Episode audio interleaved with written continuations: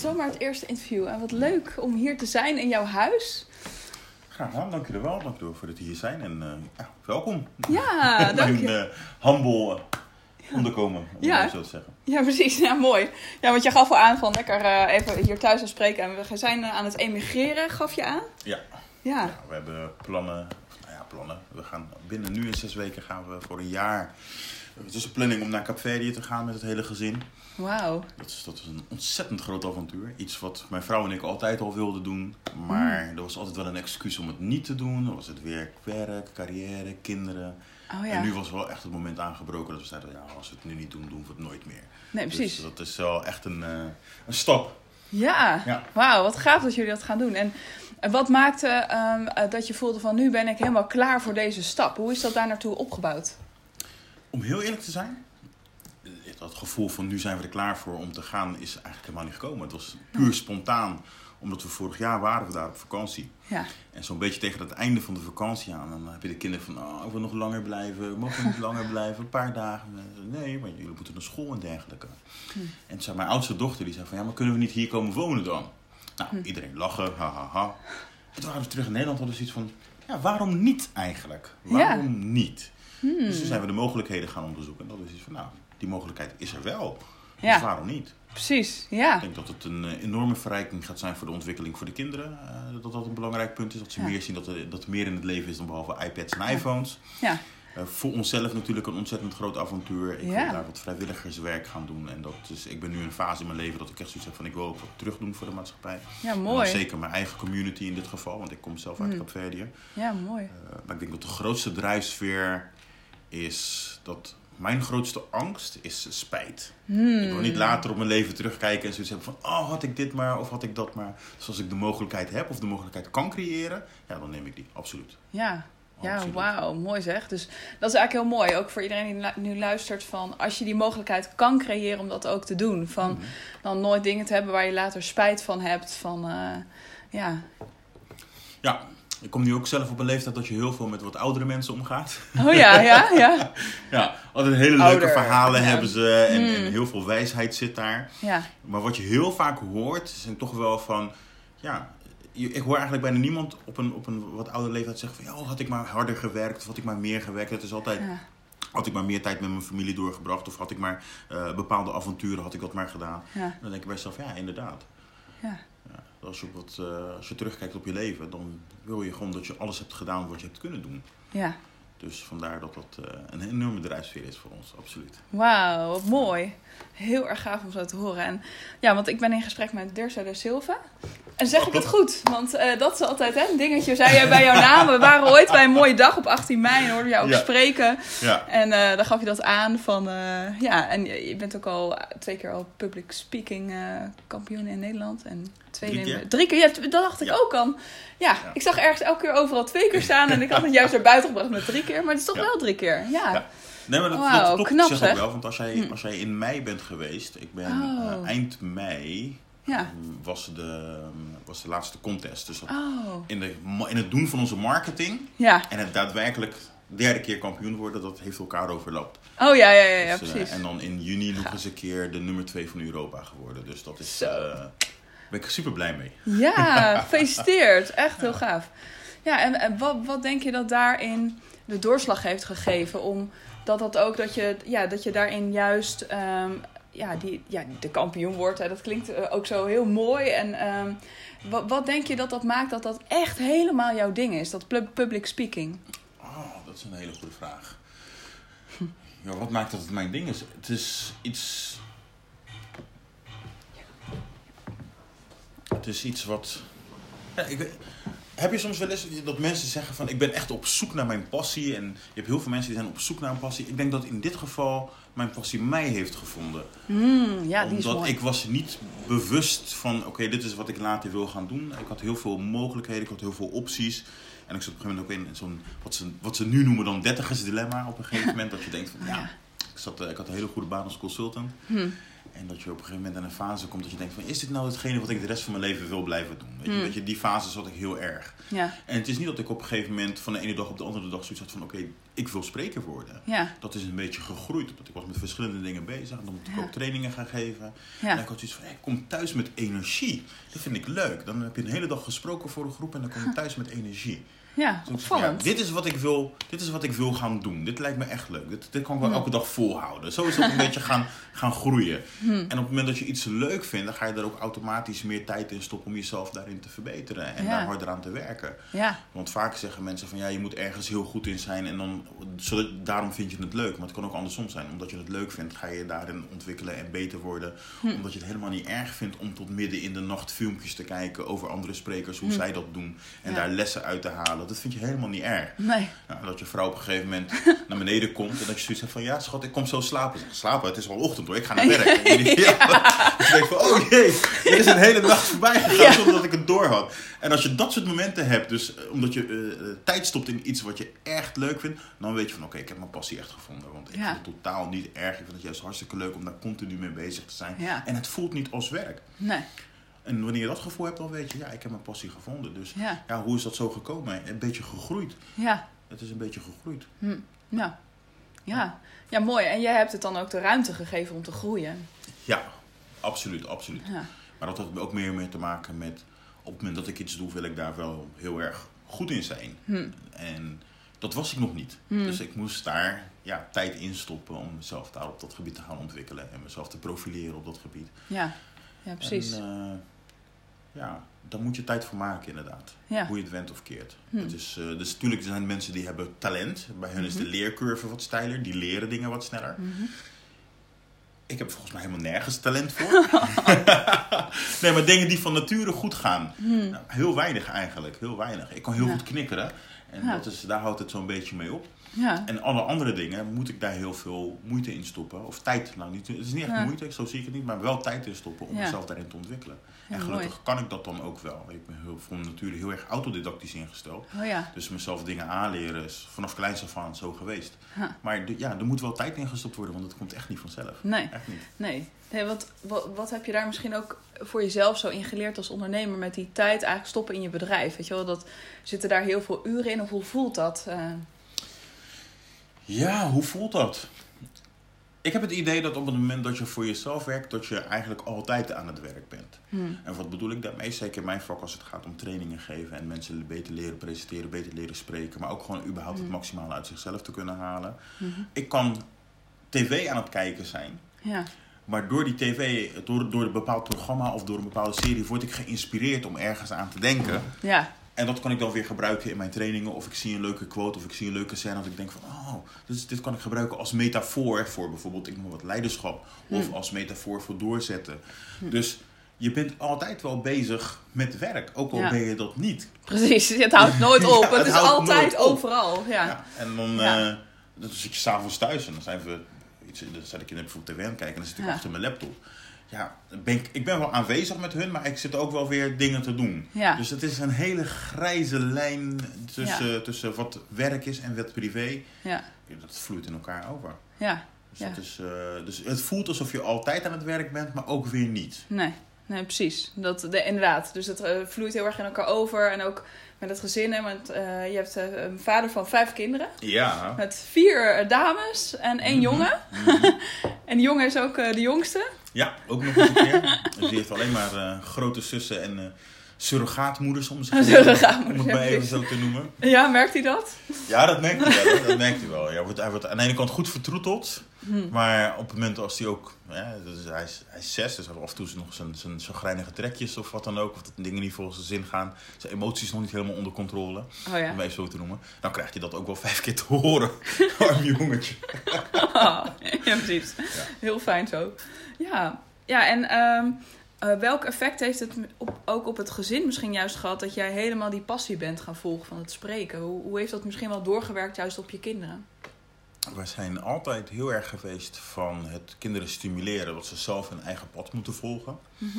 In tegenstelling, als ik mezelf even als voorbeeld neem, toen ik wat jonger was, had mijn vader al een bepaald pad voor mij uitgestippeld. Van, hè, Oh, ja. Je gaat naar school en dan, ja, ik zou het heel erg leuk vinden als je toch wel advocaat of dokter zou worden. Want dat waren toen de tijd echt de beroepen om naar te streven. Ja. En ik had echt zelfs zoiets van, ik wil helemaal geen advocaat of dokter worden. Dat is helemaal niet mijn ding. Nee. En datzelfde gevoel wat ik toen had van oké, ik, ik wil mijn eigen pad volgen, maar je voelt je ook een soort van schuldig tegenover je ouders. Ja. Dat gevoel, Ja. dat wilde ik mijn kinderen eigenlijk totaal anders. Ik had zoiets van, nou, Ja. weet je, laat ze maar doen wat zij willen. Ja. En, en dat ontwikkelt zich ook, want ze zijn nog allemaal redelijk jong. En wat je merkt is dat ze nu nog in een bepaalde fantasiefase zitten, waarbij mijn zoontje wil heel graag superheld worden. Kijk. Ja, nou ja, dat, is, dat is geweldig natuurlijk. En ik heb een dochter die zegt van nou, ik wil later juf worden. Want dat is een van de weinige beroepen dan die ze tegenkomt. De Hmm. oudste twee merk je dat zij, ondanks dat ze als kind ook bepaalde ja, fantasieën hadden over wat ik wil worden. Ja. Is dat ze nu wel steeds meer aan het ontdekken zijn van waar ben ik goed in. Ja. En hoe kan ik dat eventueel later gebruiken, later om iets mee te doen. Oh ja. Ja? Dat ze dat nog niet helemaal ontdekt hebben, Nee. prima. Maar Ja. ze weten al wel, ik moet kijken vanuit, weet je, wat vind ik leuk om te doen en wat vind ik en waar ben ik goed in? Ja. Waar deur- wil ik mezelf in gaan ontwikkelen? Eigenlijk die twee. Ja. Dus dat is prachtig om te zien dat dat, dat dat voorbeeld van jezelf, omdat ik zat in een baan wat ik op zich wel leuk vond, maar ik werd er niet gelukkig van. Mhm. En dat ik dan die stap heb gemaakt naar ondernemerschap en iets doen. En ze zien ook van dat het verandering heeft gebracht in mij als persoon zijnde. Ja. Want voorheen dan kwam je thuis en dan was je moe en dan ging je op de bank liggen en dat was het. Ja. En nu merk je dat ik veel meer tijd en balans en eh, met hun kan, kan eh, doorbrengen. Ja, mooi. Maar ook gewoon het geluk wat het uitstraalt binnen Mm. het gezin. Omdat je echt zoiets hebt van oké, ik doe wat ik leuk vind. En ik weet dat ik andere mensen aan het helpen ben. En dat is zo waardevol en zo bevredigend als persoon zijnde. Dat dat straalt door, zeg maar, binnen in het gezin. En dat Ja. heeft als effect dat zij ook zoiets hebben van nou, dat ik wil later ook iets doen waarmee ik en zelf gelukkig word. En misschien ook andere mensen gelukkig mee kan maken. Ja. Ja, geweldig. Ja, mooi hè, dat het daar zo helemaal in, in eh, doorwerkt. En, eh, Helemaal in doorwerkt. Ja. Helemaal in doorwerkt. Ja. En, dan zie, en dat is ook eigenlijk zo heel erg beangstigend hoor. Hm. Als je ziet wat voor effect je ouderschap heeft op je kinderen. hmm, ja. Ja, want voor hetzelfde geld doe je bepaalde dingen. En ik kan daar een heel concreet voorbeeld van geven. Mijn eh, derde dochter, Jade, daar zeiden we vroeger altijd van... eh, want ze is, heel, ze is teruggetrokken als persoon. Ja. En dan kwamen we iemand op straat tegen en dan wilde ze niet groeten. En dan was de neiging voor mij bijvoorbeeld als ouder om te zeggen... van ja, ze is een beetje verlegen hoor. hè. Dus Hmm.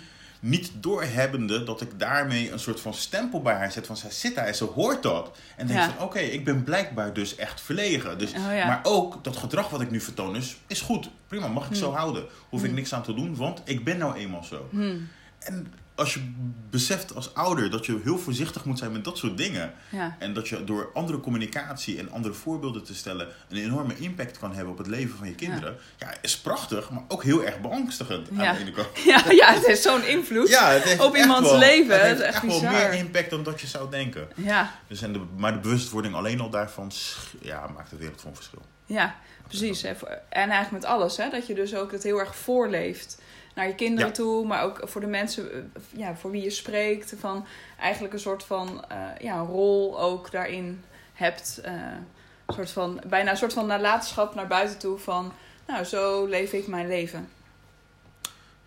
Ik denk dat je dat heel, heel goed hebt verwoord, want daar komt het eigenlijk wel op neer, inderdaad. Hmm. En het is een, een, een legacy, inderdaad, waar ik naar streef om dat, eh, om dat achter te laten. En dat is heel grappig dat je dat zegt, want dat is ook gewoon precies wat op mijn WhatsApp, zeg maar, als slogan staat. Oh. Dat ik een legacy wil creëren voor mijn kinderen. En dat is niet zozeer legacy als in de zin van dat ik hun geld nalaat of wat dan ook. Maar het zijn de lessen die ik heb geleerd en probeer over te dragen. En hun dusdanig probeer te beïnvloeden dat zij een eigen weg kunnen vinden in deze ja, Ja. bruisende maatschappij, om het maar even zo te noemen.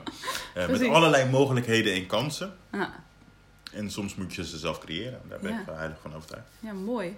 Ja, en eh, wat zou je misschien wel mee willen geven aan eh, de, ook ondernemers die zo luisteren van... die voelen misschien ook wel hè, meer zichtbaar zijn, meer dat spreken.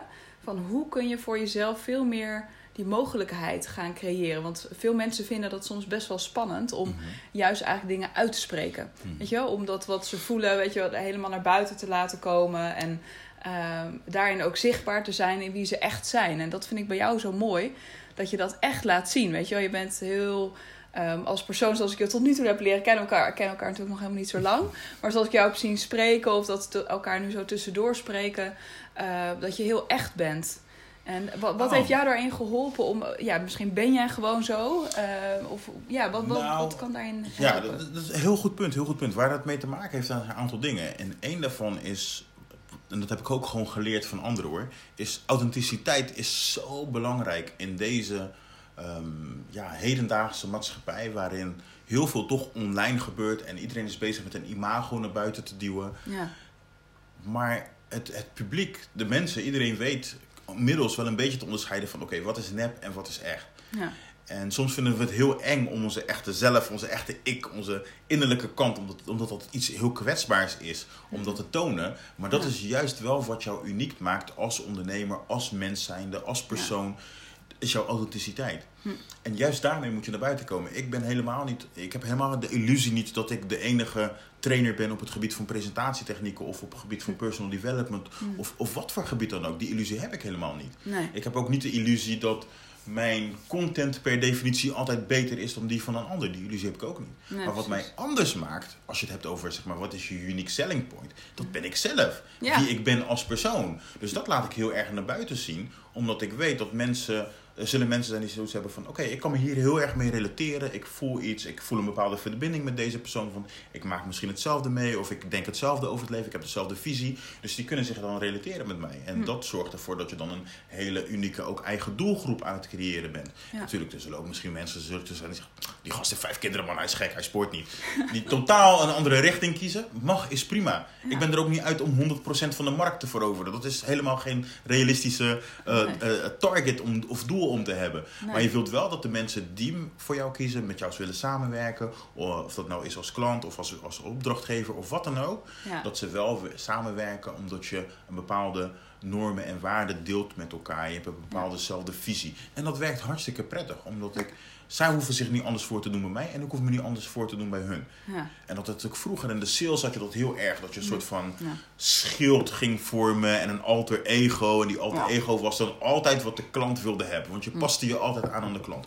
Dat hoeft tegenwoordig niet meer. Nee. Je kan gewoon jezelf zijn als ondernemer en de klanten komen dan naar jou toe die, die zich kunnen relateren en die een bepaalde verbinding met jou hebben. En dat is een totaal andere manier van het kijken naar het ondernemerschap. Precies. Vanuit je eigen ja, authenticiteit. En dat is echt de key word. Ik kan het niet anders, Ja, of, anders verwoorden, maar dat is echt wat het is. Ja. Gewoon wees niet ja. bang om jezelf te zijn. Ja. En het is heel grappig dat je net begon over mijn naam. Want ik heb, mijn naam inderdaad, Dirceu, is een hele lastige naam om uit te spreken. En mijn vader heeft mij vernoemd naar een Braziliaanse voetbalspeler.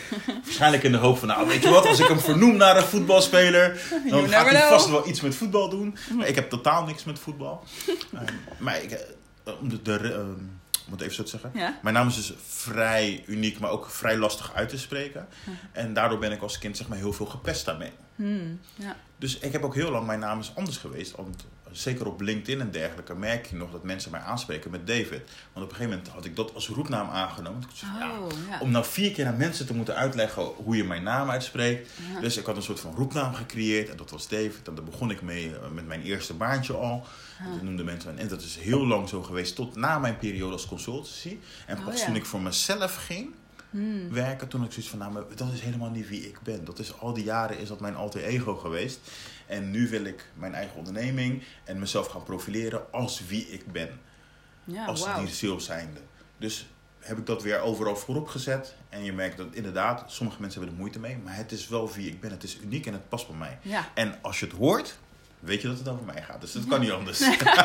dus het is ook nog een stukje branding geworden. Maar Ja. en dat was inderdaad heel moeilijk, want het, is een, het, het herinnerde me aan een periode die ik helemaal Ja. niet leuk vond. Nee. Maar het hoort wel bij mij. Alles wat je Ja. hebt meegemaakt in het leven maakt nu onderdeel uit van wie jij bent als persoon. Ja, en je kan het verstoppen of je kan het omarmen en het gebruiken in je voordeel. Ja. En ik ben heel erg voorstander van het laatste. Ja, precies. Om dat er juist te laten zijn.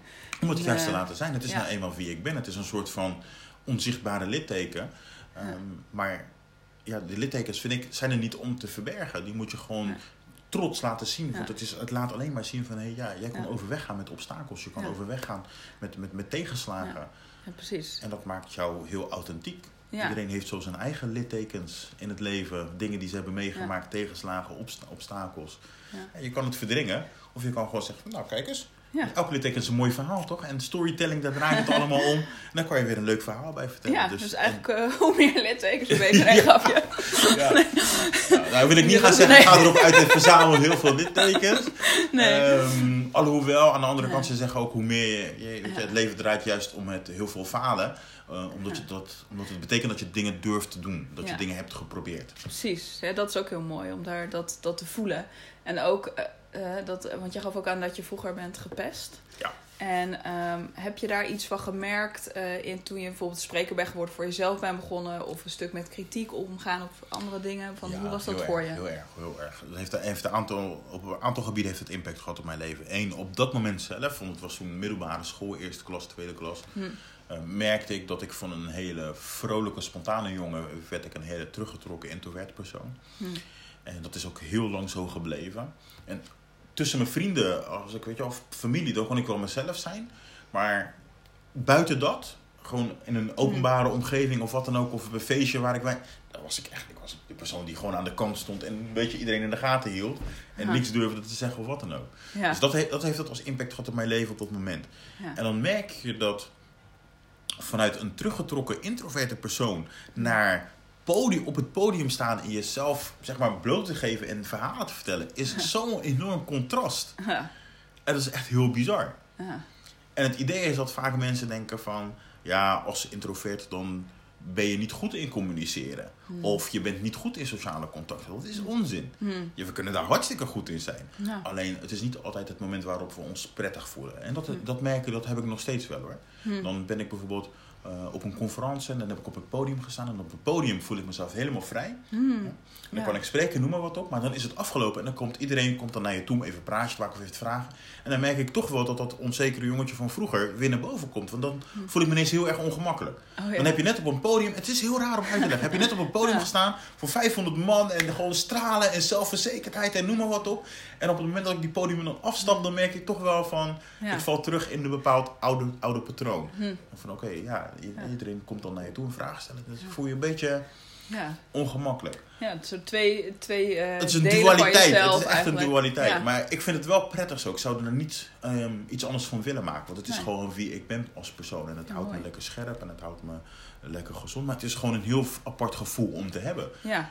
Dus, Ja, ja, precies. Want wat maakt dat eh, eh, ook overigens herkenbaar? Zo die, soms kun je twee van die verschillende personen daarin zijn.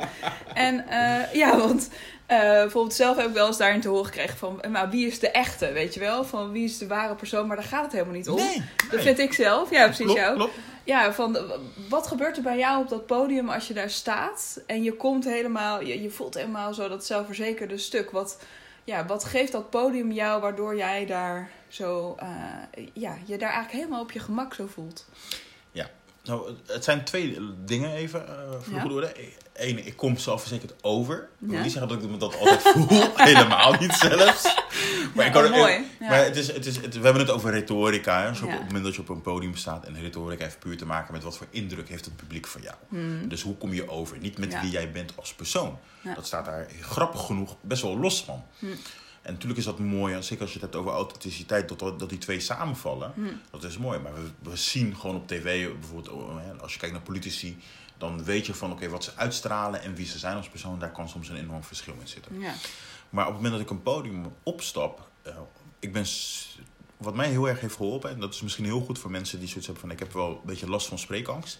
Toen ik pas begon, was ik heel erg gefocust op mezelf. Ja. In de zin van, oh, ik hoop niet dat ik iets vergeet te vertellen. Of ik hoop dat ik niet ga stotteren. Ik hoop dat ik niet struikel. Ik hoop dat ik niet mijn tekst vergeet. Ik hoop dat alles er goed... Heel erg gefocust op jezelf en heel erg gefocust op wat mis kan gaan. Oh ja.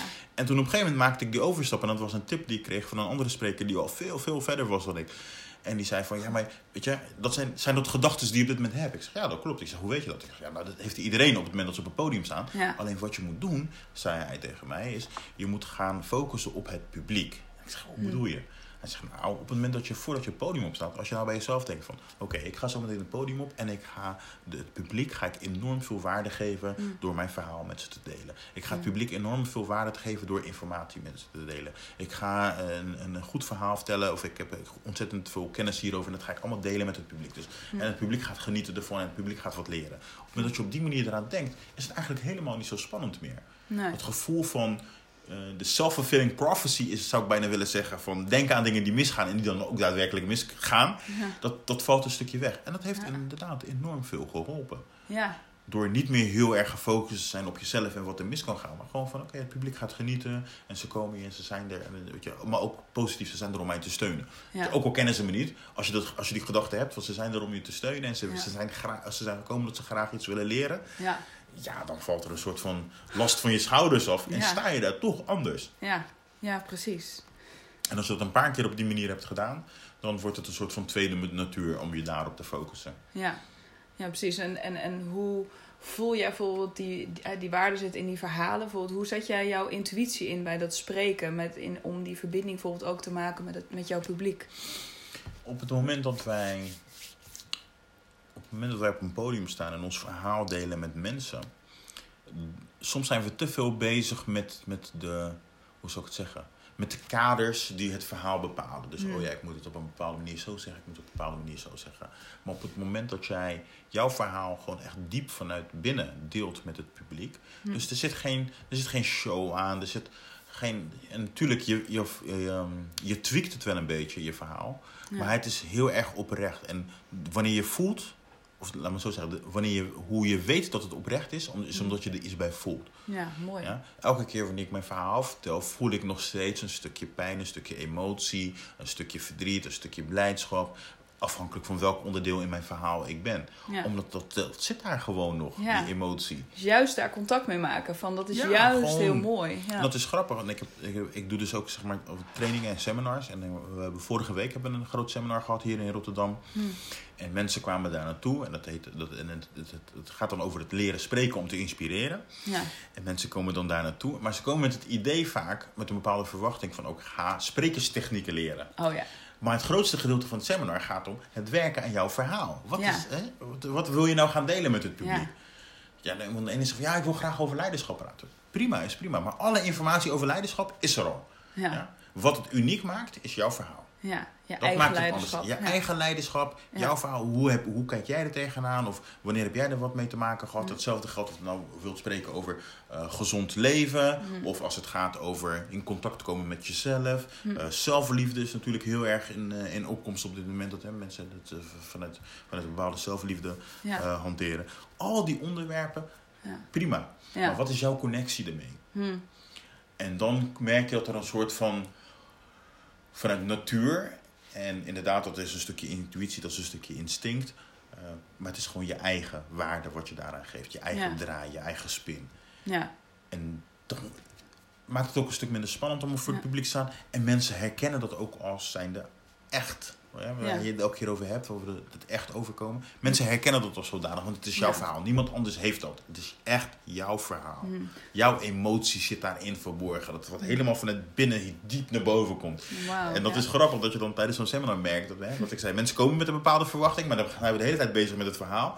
En dat ook gewoon echt, nou, tranen en over alles gaat vloeien. Omdat mensen zeggen, ik wist niet dat dat mij nog steeds raakte. Ik dacht dat ik Mm. dat al had verwerkt of wat dan ook. Ja. En dan blijkt ineens dat het toch nog heel erg diep zit. Ja. En die rauwe emotie, op het moment dat je die kan capturen en in een verhaal kan stoppen, ja, dat is, dan komen de meest geweldige. Ik heb echt dit, weekend de meest geweldige verhalen en ingrijpend en pakkend en emotioneel. Ja. Dat is geweldig. Echt superleuk. Ja, echt. Dat is leuk. echt bijzonder. Dus eigenlijk als jij al die lagen eraf haalt, eh, eigenlijk voor jezelf, dat je eenmaal dat echte, Al die Bam, maskers, zo rauw, al die layers, ja, al die, dan, die paradigma's ja. die we voor onszelf hebben, al die beperkende overtuigingen. Als je dat allemaal weghaalt, wat overblijft is gewoon Ja. echt dat, dat, dat rauwe emotie. Precies. En op het moment dat je dat kan verpakken in een verhaal, want het is niet altijd kan je emotie natuurlijk vertalen, maar je, je probeert het enigszins te vertalen naar een verhaal, dan heb je echt iets moois te pakken. is Ja. gewoon een diamond. Precies. Je, je laat eigenlijk zien van het is oké om helemaal naar dat rauwe stuk eigenlijk te gaan. En waardoor de mensen in dat publiek ook eigenlijk die toestemming voor zichzelf daarmee krijgen om helemaal daar naartoe te gaan. Dat is eigenlijk wat je doet. Ja. Absoluut. We hebben ervoor gezorgd om een veilige omgeving te creëren waarbij mensen natuurlijk hun verhaal durven te delen. Want Ja. je moet het wel zelf willen. We gaan niemand dwingen van je moet dit of dat. Ze moeten het wel.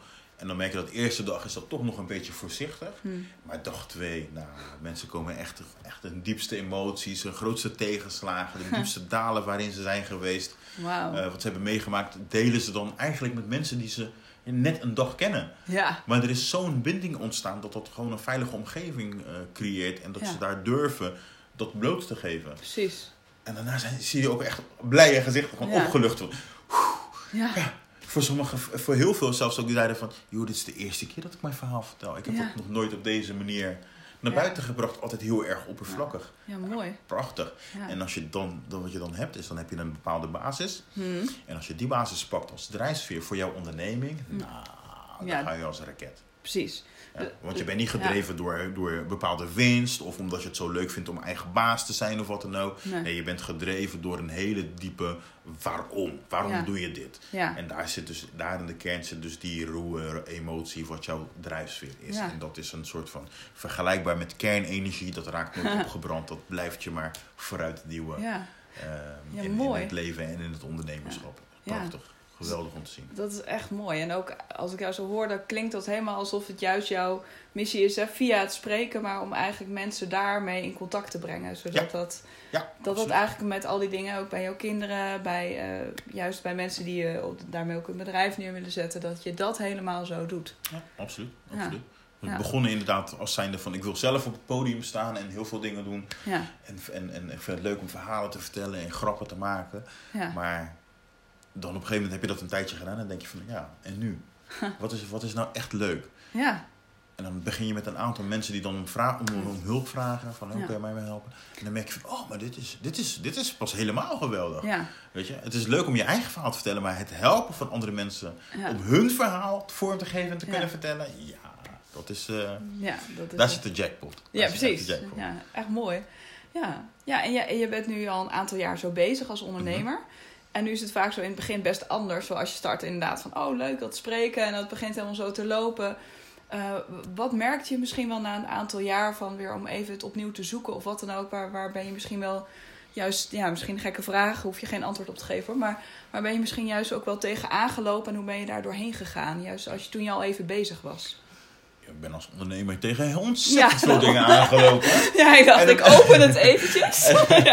En daar ben ik ook altijd heel erg open in. Omdat Oh meestal, ja. Hoor, je, meestal hoor je de succesverhalen van mensen starten een Mhm. onderneming en zijn meteen miljonair of weet ik veel wat. Ja, binnen twee En, dagen. eh, ja, precies. En bij mij was dat totaal niet zo. Zeker in het Mm. begin heel veel moeite om, om opdrachten binnen te halen. Maar ook Mm. omdat ik was niet zichtbaar als persoon zijnde. Hm, En dan komt dat stukje zichtbaarheid. En daarom vind ik ook dat elke ondernemer ehm, zou zeker een keer moeten proberen om door middel van spreken hun ondernemerschap of hun onderneming eigenlijk zichtbaarheid aan te geven. ja, Eh, probeer het maar gewoon een keer. En als het bevalt, ga je het vaker doen. Bevalt het totaal niet. Oké, prima. Je hebt het Ja. in ieder geval geprobeerd. ja, Dus die zichtbaarheid was totaal ontbrak. Maar ook, ik had geen focus op wat ik wilde doen. nee. En ik wilde van alles. Ik wilde van alles. En zeker als het gaat, als het gaat om spreken bijvoorbeeld. Hm. Er zijn ontzettend veel mensen die willen spreker of coach worden. Hm. En als je dan vraagt, ja, op wat voor gebied dan? Hm, Dan is het, ja, dat maakt niet uit. Want ik, ik, ik, ik wil alles doen. ja, Ja, dan willen ze en gezond leven en, en healing en leiderschap. eh, maar ook praktische dingen en eh, online business. En ook nog een stukje marketing en een stukje branding. Want daar ben ik ook goed in. En dan hebben ze zoveel topics waar, ze, Ja. waar ze zich mee bezig willen houden. Hm. En diezelfde fout heb ik ook gemaakt. Hm. Door heel breed te gaan. En we zeggen, zeker binnen de sprekerswereld zeggen we altijd... eh, if you're a jack of all trades, you are a master of none. Dat betekent dat als je met alles bezig gaat... dat je eigenlijk nergens een specialist in wordt. nee. En dat is wat je wel wilt creëren. Een, een Hm. gezien worden als ondernemer of als spreker of als coach. Hm. Van, maar deze persoon heeft daar echt heel veel verstand van. Oh ja, ja. Dat is, wat je, dat is de buzz die je wilt creëren. En dat kan niet zolang je heel veel dingen tegelijk doet. En dat, ja, zou ik zeggen, een- dat vermindert ook je focus op waar je naartoe wilt gaan. Hm. Het, want het zorgt Ja. ervoor dat je geen concrete doelgroep kan stellen. eh, Mhm. eh, dat je geen concrete branding kan maken. Dat je geen concrete zichtbaarheid kan creëren. ja. Dus dat was zeker de grootste eh valkuil voor mij. Heel breed beginnen. Maar eigenlijk andersom. Je moet gewoon een laserfocus hebben. Mhm.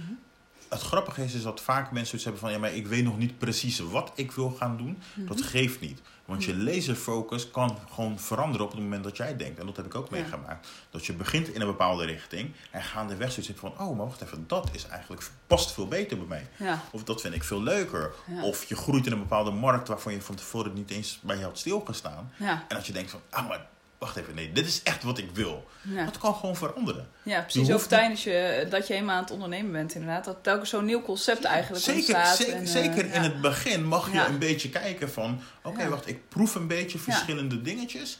Weet je, of ik verander een klein beetje van richting. Dat is helemaal niet erg. Nee. Nee, Dat is precies. helemaal niet erg. Juist Eh, doen. Als je maar eh, Als je maar- bezig bent. Hè, Dat net zoals wat je sowieso. zei, zegt, jij zegt van die tijd er ook wel insteken. Maar dan het ja, wel doen, proeven en aan de slag gaan. En op die manier ontdek je vanzelf van... Oh, maar hier ligt, hè, wat jij zei, die jackpot. Dat je die op Ja. een gegeven moment vanzelf ontdekt. Het is echt zo'n mooie weg daar naartoe eigenlijk. Ontzettend mooie weg, ontzettend Ja. mooie weg. En je leert ook ontzettend veel Ja. gedurende, gedurende die route. Dus dat is, eh, dat is ontzettend leerzaam ook. Ja. Maar vooral ook niet bang te zijn als je denkt van ik ben met iets bezig, maar er is iets anders wat ik ontzettend leuk vind. Hm. Dat je je koers mag best wel een beetje bepa- eh, veranderen gelopen in de, in de loop der tijden. Ja. Ik wil niet zeggen dat je elke week van koers moet veranderen. Dat is absoluut niet. Nee. Maar je kan heus wel een paar keer zoiets hebben van... oké, dit, is- Ja. dit past beter bij mij. Of het is, of nou is een andere markt, een andere product... of een andere dienstaanpassing. ja. Dat, dat kan allemaal. Juist doen. Want het, jij, jij ontwikkelt jezelf. Dus dan verandert dat bedrijf natuurlijk ook met je mee. Het zou, Eh, het, dus- het zou heel raar zijn als vanaf het moment dat Ja, je precies. Al precies weet, dit is de koers die ik ga zetten... en die Ja. blijf ik ook star volgen... Precies, ja. Ondanks dat ik merk dat er andere kansen liggen... of dat mijn passie ergens anders Ja. ligt... of dat ik ergens anders veel meer bekwaam in ben. Het zou heel erg raar zijn als je dan alsnog gewoon heel star... die koers blijft volgen. Ja, ja, precies. Ja, want wat, wat helpt om dat dan eh, lekker om te gooien? En eh, wat, wat is daarin heel fijn? Wat heb je daarin gemerkt? Wat jij daaruit hebt geleerd om die focus dus helemaal te verleggen? Van, eh, wat heeft jou daarbij geholpen om dat gewoon te doen? Wat heeft mij daarbij geholpen om gewoon te doen? Om, Ik- nee, ja, om daar, ja, misschien eh, vertel ik hem eh, niet. Nou nee, ik zit even te denken, want het was juist door het te doen, Ja. heeft het me geholpen. heeft het mij geholpen. Dus het was een beetje een, net iets omgekeerde situatie. Oh. Maar ik denk dat als je voor jezelf heel duidelijk maakt ehm, van, van waarom je iets sowieso wilt doen, wat je uiteindelijk wilt gaan bereiken.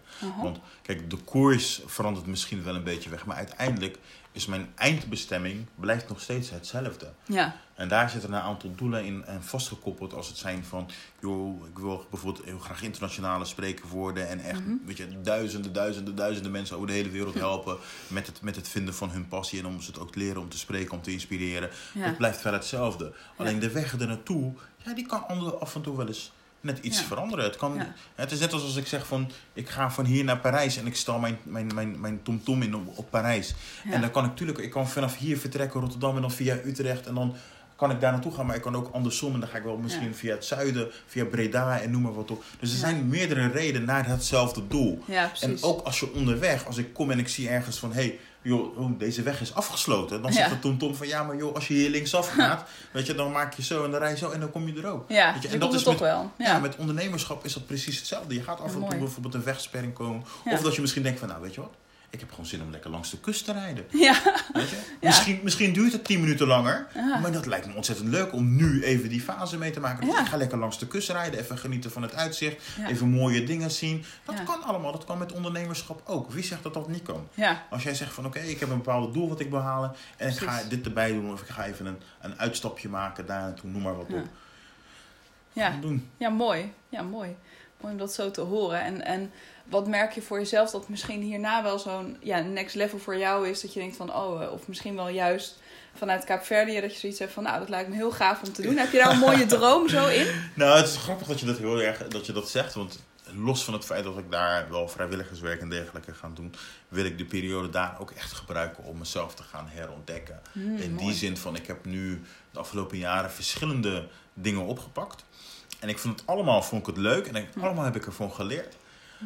Maar ik wil, ik heb, ja, ik weet niet, ik ben toe aan een volgende fase inderdaad. Ja. En ik ga deze periode, eh, in ieder geval komende jaar, sowieso gebruiken om ehm, nieuwe content te maken. Ik wil heel veel content gaan maken. Oh ja. ook, hè, echt heel veel content. Over, over, over, over, sowieso over spreken, maar ook gewoon überhaupt over jezelf profileren, over jezelf zichtbaar maken. Mm. Ja, spreken mooi. is daar maar een onderdeel van. Ja. Ehm, dus, dus, dus ja, hoe, hoe zet je jezelf neer? Een beetje, hè? Dat, dat, en of dat nou gaat als, als ondernemer of als persoon zijn, dat, dat maakt op zich niet uit. Dus daar wil ik wel heel veel content over gaan creëren. Ja, mooi. Ehm, maar ook hele praktische dingen, gewoon net als aan mijn, aan mijn branding en mijn website, dat soort dingen. Gewoon hele praktische Ja. dingetjes wil ik ook even naar gaan kijken. ja. En dan over een jaar, dus augustus over een jaar, Ja. dan eh, heb ik of een nieuwe richting of ik ga verder met wat ik nu doe, maar dan in een andere gradatie. Ja, Ik ben mooi. nog even aan het kijken. Ja, ja, leuk. Dus echt juist even ook zo'n pas op de plaats en even voelen. Ja. eh, weer even terug naar binnen gaan. Want je Ja. noemde ook een mooi, hè, van, Ja. voordat we ook het gesprek begonnen over wat, dat nu dit zo'n fase van naar binnen gaan voor veel mensen. En daarvoor was het juist veel meer naar buiten gericht. Eh, dat noemde je ook voordat we het interview starten. ja. Ja, kun je daar iets over vertellen? Nou ja, wat ik, in, de, in de branche waarin we zitten, als het gaat over ondernemerschap, en, maar ook de, de ontwikkeling daarin en allerlei cursussen om jezelf continu te verbeteren. Wat je merkt inderdaad op het moment dat het wat minder gaat met ehm, de economie, dat mensen heel veel bezig zijn met externe factoren. Dus Ja. dan kijken we, oh, ik moet een baan of alles gaat goed, goed met mijn huis of eh, overleef ik dit, overleef ik dat. Maar op het moment dat het juist beter gaat Ja. met de economie, dan gaan mensen heel erg, en dan hebben ze de tijd en de rust Hm. want dat is het voornamelijk. Ze hebben wat minder stress om aan zichzelf te gaan werken. Ja, En dan gaan ze heel erg van: oké, weet je, dingen gaan goed. Hoe kan ik nu mezelf gaan verbeteren? Hoe kan ik mezelf gaan ontwikkelen? Hoe kan ik mezelf eh, naar het next level brengen? Hoe kan ik het maximale uit mezelf halen? Hoe kan ik de beste versie van mezelf worden om Ja. verder uit te kunnen breiden? Ja, mooi. En dat heeft inderdaad ook te maken met wat je net zegt, de, even, even zeg maar pas op de plaats nemen. Want er is wel een hartstikke leuk verhaal. En dat is over een, Hm. een, een- twee houthakkers. Ja, En de ene die is alleen maar aan het doorslaan met die bel. en de andere Ja. die doet, weet je, die slaat hem dan af en toe. Dan, dan stopt hij even. En dan gaat hij gewoon heel rustig zo zijn bel een beetje slijpen. En dat er wordt gezegd inderdaad van ja, je moet niet af en toe inderdaad vergeten om je bel te slijpen. Want anders sta je met een botte bel, probeer je die boom te Ja. hakken. En dat gebeurt gewoon helemaal niks. Nee. Maar, en, dat, en dat slijpen van die bel, dat is Ja. vergelijkbaar met het even zorgen voor jezelf. Weet je? Gewoon kijken van, oké, hoe kan ik mezelf verder ontwikkelen? Hoe kan ik mezelf beter maken? Uh, hoe kan ik er zelf voor zorgen? Dus continu gefocust op intern. Ja, Zorgt ervoor dat je veel grotere stappen kan gaan maken ja. uiteindelijk. ja mooi. Dus dat is... uh, Ja, ja, om dat juist ook in te bouwen. Bouw je dat nu ook al in voordat je nu naar Ja, bent ja. gegaan, zeg maar? Dat je dat regelmatig, of die ontspanning misschien juist ook daarin? ontspanning ook. Ik, Ja, Het is heel grappig, want af en toe dan hoor je heel veel ondernemers zeggen van... Ja, je moet uh, 160 uur in de week werken. terwijl er maar 168 uur in de week zitten. Want je- dan heb je zeg maar, elke dag nog een uurtje slaap een Ja. te pakken. heel fijn. Ja, heel fijn. Yay. Ja, En je moet allee. 160 uur in je bedrijf stoppen, want anders is het er niet. Ja. En ik ben het totaal niet eens met die stelling, of met die, met, ja, ik kan het niet anders dan een stelling noemen Ja. moment. Omdat het totaal afhankelijk is van wat jij wilt als persoon. Ja, Kijk, tuurlijk zijn er mensen die zeggen zoiets van, nou, ik wil graag met mijn onderneming, wil ik een miljard omzet per maand, of eh, per jaar, sorry, eh, gaan draaien. Ja, dan zou je iets harder moeten werken, klopt. ja, Maar er zijn ook mensen die verdienen 60.000 per jaar, ja, maar die zijn hartstikke gelukkig. ja, Dus het heeft bij mij niet te maken met van moet je hard Hmm. werken. Nee, het is van waar sta je nu? Ben je daar happy mee? Hm. Weet je? En als je er niet mee happy mee, ja, dan moet je een tandje opschroeven even. Ben je er wel happy mee, is ook prima. ja, Maar één les die wat ik heb geleerd is dat, is dat er werd gezegd van als jij als persoon beweert dat je ehm, ehm, zoveel werkt voor je gezin, maar je Hm. maakt nooit tijd voor je gezin, Hm. dan doe je het niet voor je gezin. Hm. Dat is gewoon echt een leugen. En dat is me altijd een beetje bijgebleven. Dat ik denk van ja, tuurlijk kan ik continu, jaar lang, dag in dag uit, kan ik bezig gaan met werk. Dat kan makkelijk, want ik vind het hartstikke leuk. Maar als ik voor mezelf niet die rustmomenten neem om gewoon ook te durven te ontspannen, ook even tijd met de kinderen door te brengen, gezellig naar de bios of even naar het park in de tuin, eh, of gewoon gezellig met, met mijn vrouw dat we even een serietje kijken of een leuke film op tv. Als ik die momenten niet zou pakken, Ja, dan weet ik van, oké, dat klopt iets niet. Nee. Dat zou ook niet fijn voelen voor mij. Dus ja, Nee. ik pak die momenten gewoon. Ik voel me daar totaal niet schuldig over. Sterker nog, ik weet Ja. dat het onderdeel is van mijn werk om Ja. juist die ontspanningsmomenten te pakken, zodat ik daarna weer laserfocus verder kan gaan. Ja, het is juist nodig Het is om, juist eh, nodig. ja, om je missie te kunnen doen. Het zou slechter zijn voor mijn Ja. bedrijf als ik dat soort momenten niet zou inbouwen. Want ik ben een mens, ik ben geen machine, ik ben geen robot. Ik stop niet net uit de Matrix, ik ben geen Terminator. om 24 uur per dag achter elkaar door te blijven gaan, Nee. past niet bij mij. Nee, bij mij heb ik het even ja, over. misschien dat voor mensen daar zijn anders, maar die dat voor zichzelf kunnen bepalen. Voor mij zou dat niet werken. nee, Ik bouw mijn rustmomenten in, zodat ik weet dat ik daarna weer 110% erachteraan kan gaan. ja, En ik vind dat geweldig. ja, ja, wauw, mooi. En Ja. dan moet je ook durven. Laat je vooral geen schuldgevoel aanpraten door, Ja, ja precies. door, door mensen die zeggen van nee, kan niet. Ja, Ja, als, je, als, je, als, je een TV, als je een film kijkt, die, weet je, dat is anderhalf uur wat je had kunnen stoppen in het lezen van een boek. Yes, eh, Ja, dus. ja, hoezo?